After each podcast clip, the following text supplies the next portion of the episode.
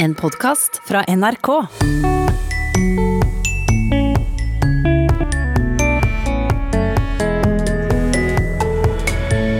Har du hørt om AI? Eller big data? Eller vet du hva som menes med digital modenhet? Å prate om digitalisering kan by på vanskeligheter. Og innenfor digitalisering så er det jo litt sånn at det, noen forstår, noen forstår ikke. Noen tror de forstår, og noen later som at de forstår. Hun tror ei ordeliste vil være til stor hjelp. Er det tjukket der, eller? kan kalle meg Pitbull-Terje. For jeg er en pitbull! Skjønner du det? Pitbull-Terjes far Endre Lund Eriksen gjester Språkteigen i dag og forteller om sine språkutfordringer som forfatter. Jeg sitter og eh, forandrer, skriver om, flytter på ord, flytter på setninger, stryk, skriver på nytt. Vel møtt til Språkteigen. Hvordan er det med deg? Har du fått utfordra dine digitale evner de siste uken? Alt skjer jo digitalt nå. Jobbmøter og skoleundervisning. Korøvelser, gudstjenester. Du får digitalt besøk av barnebarn, og du tar en digital kaffekopp med venner. Og til og med konserter og museumsbesøk skjer digitalt. Det må ha skjedd en liten revolusjon i det digitale Norge. Digitalisering. Engelsk digitalization. Bokmål digitalisering. Nynorsk digitalisering. Definisjon det å ta i bruk mulighetene digitale teknologier gir til å forbedre, fornye og skape nytt. Eh, og en kan jo liksom tenke at eh, det er aldri så galt at ikke det er godt for noe. Fordi at eh, digitalisering har jo vært på agenda i Norge i mange, mange år. Det sier Gunn Kristin Vambheim, som jobber i noe som heter Digital Norway. Men utviklingen har jo vært slik lenge. Digitale løsninger har forandra mønsteret vårt. Fra papiraviser til nettaviser, fra lineær radio og TV til strømmetjenester, fra å handle på butikken til netthandel, og dem som vil selge noe til oss, har gått fra å kjøpe annonseplass i lokalavisen til å reklamere på Facebook. Å levere varer og tjenester i dag krever digitale løsninger, og det igjen krever et eget språk. Big data, digitization, artificial intelligence, digital transformation. Og det er her Gunn Kristin Vambheim i Digital Norway kommer inn som en hjelper. Ja, du, Digital Norway, vi er en liten organisasjon med et stort mandat. Og det mandatet heter at vi skal bidra til økt konkurransekraft i norsk næringsliv. Og eh, vårt fokus da er digitalisering. Mm. Og eh, digitalisering er jo òg et ord som kanskje har mange eh, definisjoner og tolkninger i seg, alt etter hvem du spør. Men for vår sin del da, så handler det om å ta i bruk digitale teknologier for å forbedre, fornye og skape nytt. Mm. Og eh, når vi skal jobbe med digitalisering, så handler det om å finne ut hva er behovet, hva trenger små og mellomstore bedrifter i Norge, og prøve å hjelpe til så godt vi kan for at de skal lykkes. Og for å lykkes så fant du fort ut at språket er en nøkkel. Ja, språk er jo egentlig det som eh, binder folk sammen, tenker jeg. da, Uansett om det språket heter norsk eller engelsk eller, eller spansk. Og eh, jeg merker jo fort da at språk kan føre til at eh, noen er i såkalte inngrupper, og andre føler at de er i utgrupper. Og innenfor digitalisering så er det jo litt sånn at noen forstår, noen forstår ikke. Noen tror de forstår, og noen later som at de forstår. Ja, og, og, digitalisering er jo òg ofte veldig prega av import av engelske ord og uttrykk. Og det er jo da at digitalisering beveger seg ikke nødvendigvis bare innenfor teknologi, men det tar jo inn i seg ledelse, organisasjonsutvikling. Det er ikke sånn som før, der gjerne en IKT eller en teknologigjeng satt i et hjørne for seg sjøl og sysla med noe teknologi eh, som de andre plutselig skulle ta i bruk, men at det berører alle deler av virksomheten, digitalisering. da. Det sies i dag at å forstå hva digitalisering innebærer for din bedrift, er et vinn eller forsvinn i framtida. Derfor mente Vambheim at det var nødvendig med noen språklige avklaringer, og starta jobben med å lage ei digital ordliste. Men for å da ha kredibilitet, så er det jo viktig å spille på lag med de som har kompetansen og innsikten innenfor det fagområdet som heter språk. Og Da ringte jeg til Språkrådet og så la jeg fram eh, ideen og tanken og hva jeg hadde lyst til å få til. Og de var utrolig kjappe på å bare si wow, yes, det, eller ja, ikke yes, men ja, dette her vil vi bli med på. Og den som sa ja, det var du, seniorrådgiver i Språkrådet Marianne Aasgaard. Hvorfor så ivrig på et slikt samarbeid? For Språkrådet så er det jo veldig viktig at vi har et godt norsk språk som fungerer på alle de samfunnsområdene vi har. At vi skal kunne snakke om alle fag og alle emner på vårt eget språk.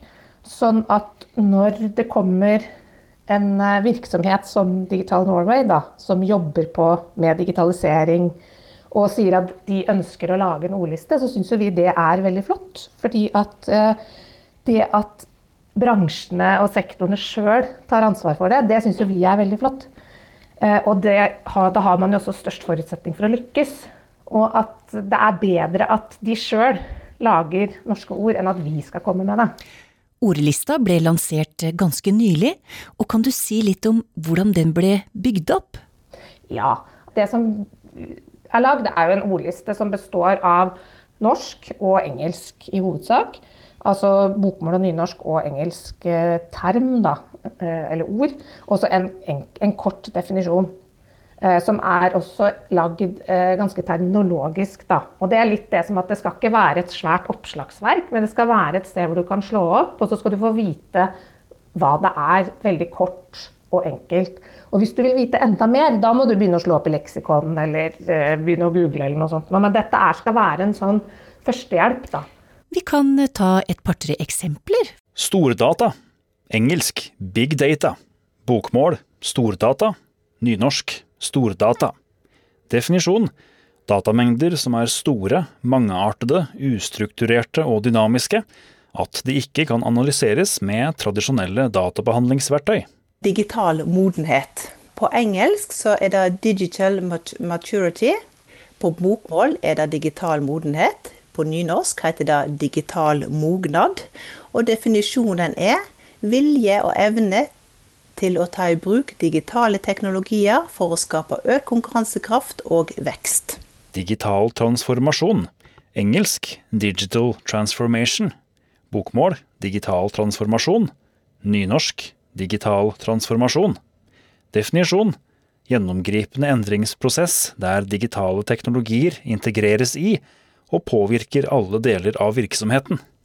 Å finne gode norske ord har vært et mål, men ikke for enhver pris. Eh, de ord og uttrykk som har eh, befesta seg som naturlige og som begripelige, og som er blitt en del av norsk språk, de, de lar vi jo bare ved. Da bare lager vi gode definisjoner på hva det egentlig betyr.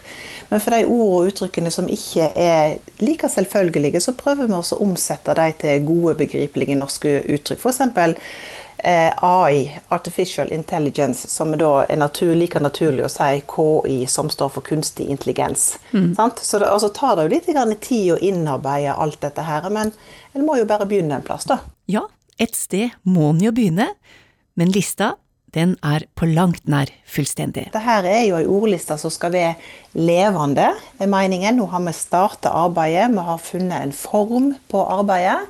Og så skal den på en måte utvikles etter hvert som vi jobber oss videre med ord og uttrykk innenfor digitalisering.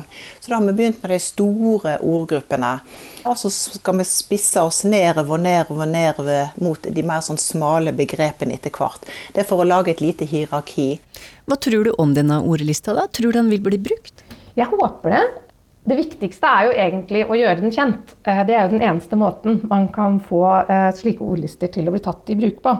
Eh, og så er det jo egentlig opp til språkbrukerne om de ønsker å, å, bruke det norske, eller om de klarer seg fint med det engelske. Vi ser jo at det lever litt sånn side om side.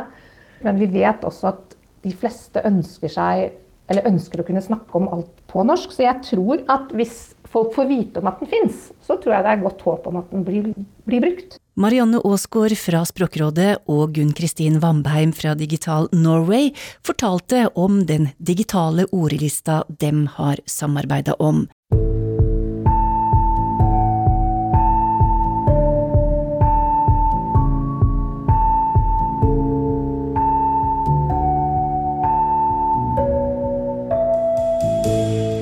Han debuterte med barneboka Pitbull-Terje går amok i 2002.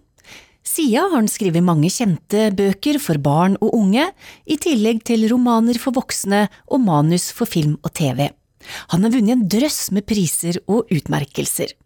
Men hvordan tenker forfatter Endre Lynn Eriksen om språk, uavhengig av alder og sjanger? Ja, I dag begynner Terje som har snakket om.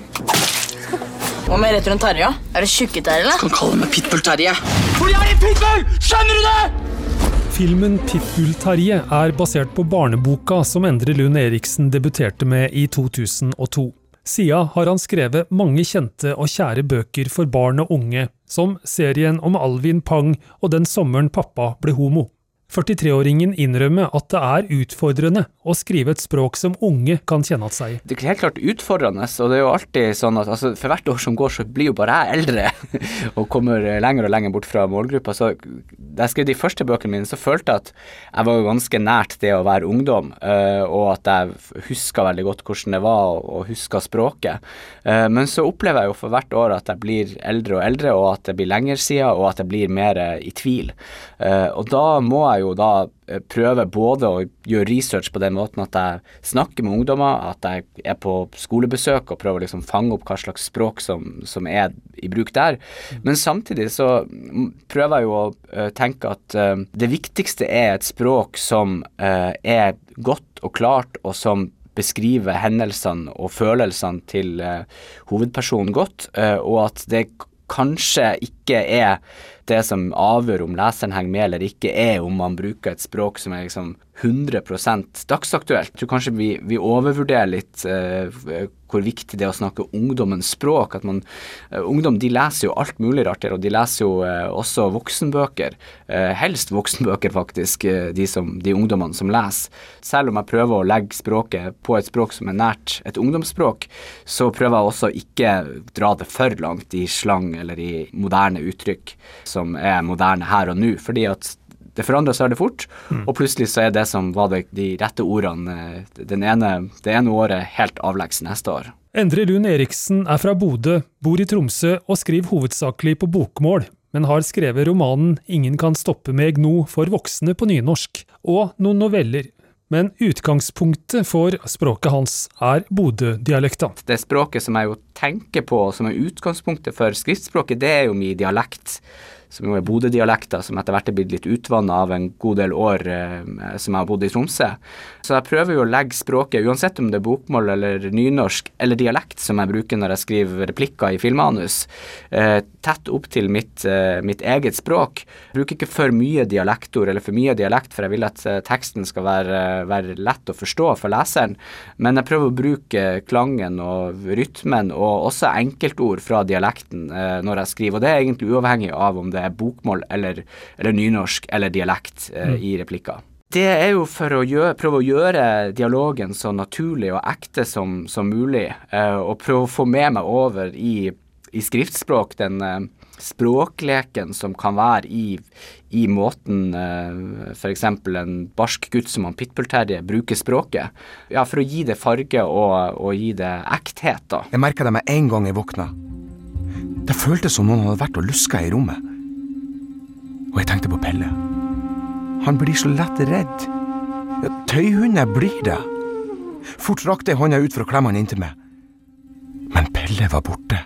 I tillegg er Endre Lund Eriksen opptatt av å bygge en dramaturgi i hver enkelt setning når han skriver. Ja, f.eks. At, eh, at eh, det som gjør at noen blir trist, det som gjør at en karakter blir trist, det kommer først, og så kommer reaksjonen. Ikke at man starter setninga med å si at 'jeg var trist fordi', men at hendelsen som gjør at personen blir trist, kommer først, og så får man beskrevet følelsen.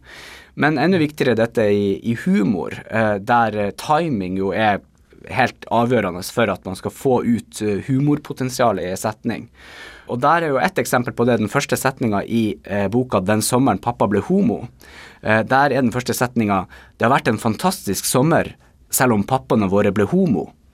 Og da var det en, en viktig måte å bygge opp den setninga og avslutte med punchline, nemlig at pappaen var blitt homo, og ikke fortelle omvendt at si at eh, pappaene våre ble homo men det har likevel vært en fantastisk sommer. For da mista vi timinga og humoren i, i, i den setninga. Og den setninga er ganske sentral, fordi at den er på en måte premisset i hele historien. Det er det eh, som er utgangspunktet for det, alt det vi skal oppleve i, i denne romanen. Uh, det er jo sånn når man, eh, når man står på en scene og og enten framføre en tekst eller lese en tekst, så, så, får man jo umiddelbar respons fra leseren i form av f.eks. For latter.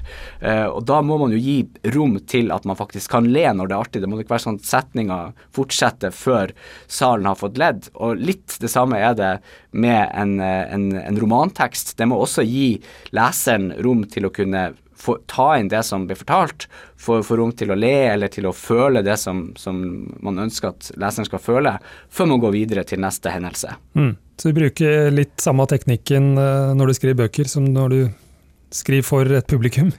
Ja, absolutt. Eh, og det er jo sånn at eh, de fleste av mine tekster er jo også tekster som jeg vet at kommer til å bli framført, kommer til å bli lest for unger, f.eks. Sånn at jeg, noen ganger så, så sitter jeg og, og, prøver ut setningene ved å lese dem høyt, eh, for å, for å på en måte kjenne på Virker dem sånn som jeg har skrevet dem, eller må jeg skrive dem om for at de skal fungere bedre for ei framføring? Dyrenes detektivbyrå er en ny detektivserie skrevet av Endre Lund Eriksen Endre Lund Eriksen driver med mange skriveprosjekter samtidig. Nå skriver han på ny ungdomsroman og flere nye barnebøker. High five! Prøv å treffe ham! Vent litt. Han er også sterkt delaktig i barne-TV-serien Planetpatruljen på NRK Super, der han både er med å skrive manus og har regi. Men det må være litt forskjell på å skrive et manus for TV og skrive bøker? Ja, det er det absolutt. Eh, jeg kan si det som jo er, og det handler veldig mye om språk, fordi at når man skriver, skriver en roman, så er jo språket det viktigste verktøyet, du forteller gjennom språket, mens at i et filmmanus eller TV-manus, så er jo det et verktøy for at uh, regissør og, og, resten av staben skal gjøre det som står på arket om til film. Sånn at mens at uh, det litterære språket trenger metaforer, det trenger, det trenger klang, det trenger, det trenger, sin egen rytme, så er det viktigste for språket i et filmmanus at det er klart og tydelig, at det er visuelt, men ikke at det er fullt av metaforer. for det, det stopper bare lesninga for de som skal bruke dette som et arbeidsverktøy. Hva er det for noe med å stille på rekke her? Still! Det er bare svarte faen! Kan dere stå på rekke her? Stå på rekke! Faen skal jeg ta dere! Jævla presang og tre på de små rumpehøla deres! I tillegg er Endre Lund Eriksens historie om Pitbull-Terje og kampen mot barnevernet satt opp som teater. Og den sommeren pappa ble homo, er spilt på Folketeatret i Danmark. Det er veldig viktig for meg å finne rett stemme eh, til hver fortelling.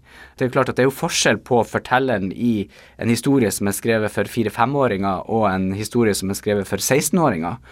Og noe av det vanskeligste arbeidet med, en, med, å skrive en roman, er ofte å finne en stemme som er troverdig og ekte for akkurat denne historien. Så det bruker jeg ganske mye tid på eh, tidlig i skrivinga, å sette meg ned og prøve ut en fortellerstemme og en tone og en, eh, en stil som jeg vil skal prøve å bære den historien som jeg skal fortelle. Eh, og sånn som i den siste romanen min, 'Verdens beste pappa', så ble eh, måten å fortelle på veldig avgjørende for at jeg i det hele tatt kunne fortelle den historien. Den historien handler om en eh, gutt som, som vokser opp med en pappa som, som han håper er verdens beste, eller som han på det beste tror er verdens beste, men som vi etter hvert forstår ikke er bare det. Han er ganske sint innimellom, og eh, noen ganger så slår han mamma. Og Det er sånn trist, veldig vanskelig tematikk å gå inn i, men her måtte jeg finne et språk som gjorde at det både for meg som forfatter og for leseren skulle bli mulig å på en måte holde ut med en sånn historie.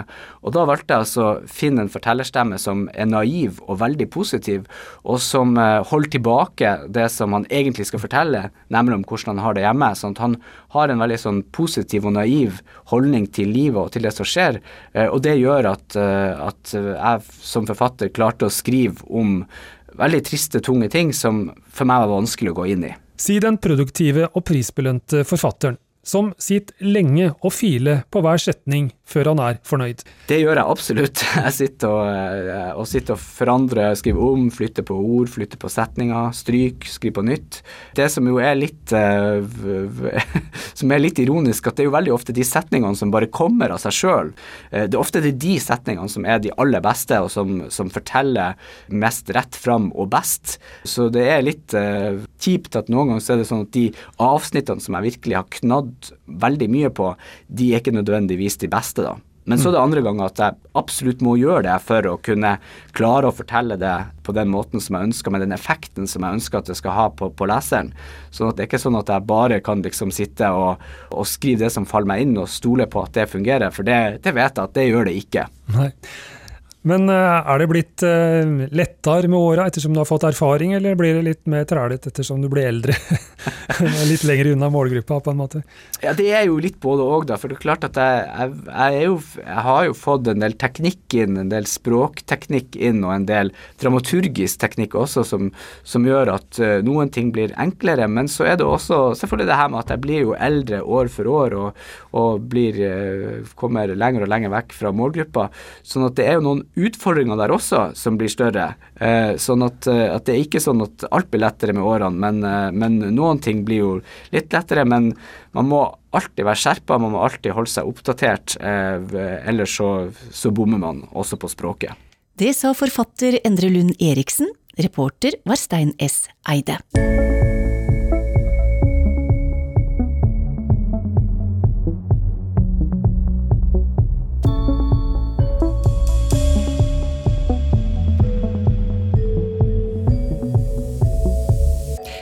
Vi skal ha lyttespørsmål, og det handler om dialektord i dag, og da er det Tor Erik Gjenstad som er på plass for å gi svar. Første spørsmål kommer fra Bergen, hvor Gullborg Høeg husker fra sin barndom at de brukte uttrykket å belite seg når noen måtte innrømme at de hadde tapt eller juksa i leken. Hvor kommer dette uttrykket fra, spør hun. Ja, eh, det der har oss oppe i Språkteigen for eh, noen år siden, jeg, og det kom en del kommentarer. Eh, det er jo kav bergensk, da. Det ser ikke ut som er noe særlig bruker utom Bergen. Men det er aktuelt i disse tider, da, for å si det slik. For det betyr jo å, å godta og rette seg etter regler, skrevne og uskrevne. Og det Særlig bruker vi snakker om unger som er i, i, konflikt, i leik. da. Så det er snakk om å, å gi seg her. Innrømme eh, juks eller tap, da. I litt eldre samlinger fra Bergen så er det litt annen betydning, kanskje. Da er det mer å, å gi seg, si seg tilfreds med. Å la seg nøye med, altså belite seg på. Uh, og det går nok tilbake på et enda eldre uttrykk, å lite seg med. Som betyr å ta til takke med å finne seg i, og det er veldig gammelt. Eh, det går helt tilbake til norrønt. Men så er det bergenserne som eh, har satt på et sånt prefiks B, og, og gjort det til belite, belite seg. Og det er vel da kanskje et mønster av andre slike ord, som f.eks. å besinne seg. Da jeg begynte på skolen, fikk jeg meg ei prins til å ha skolebøker pennal og matboks i, skriver Kai Løseth. Ordet ransel var ukjent for meg da, og prinsa den var bygd opp av ei treramme og kledd med kunststoff. Men hvorfor ble det kalt prins, spør han. Ja, det er faktisk et uh, gammelt ord for ransel eller sekk eller skreppe, det der. Uh, det ble lagt så tidlig som 1700-tallet. Eh, og hvis en ser på geografien her, da, ifølge Norsk ordbok, så er det jo Sogn og Fjordane ser ut for å være et kjerneområde for det her prins.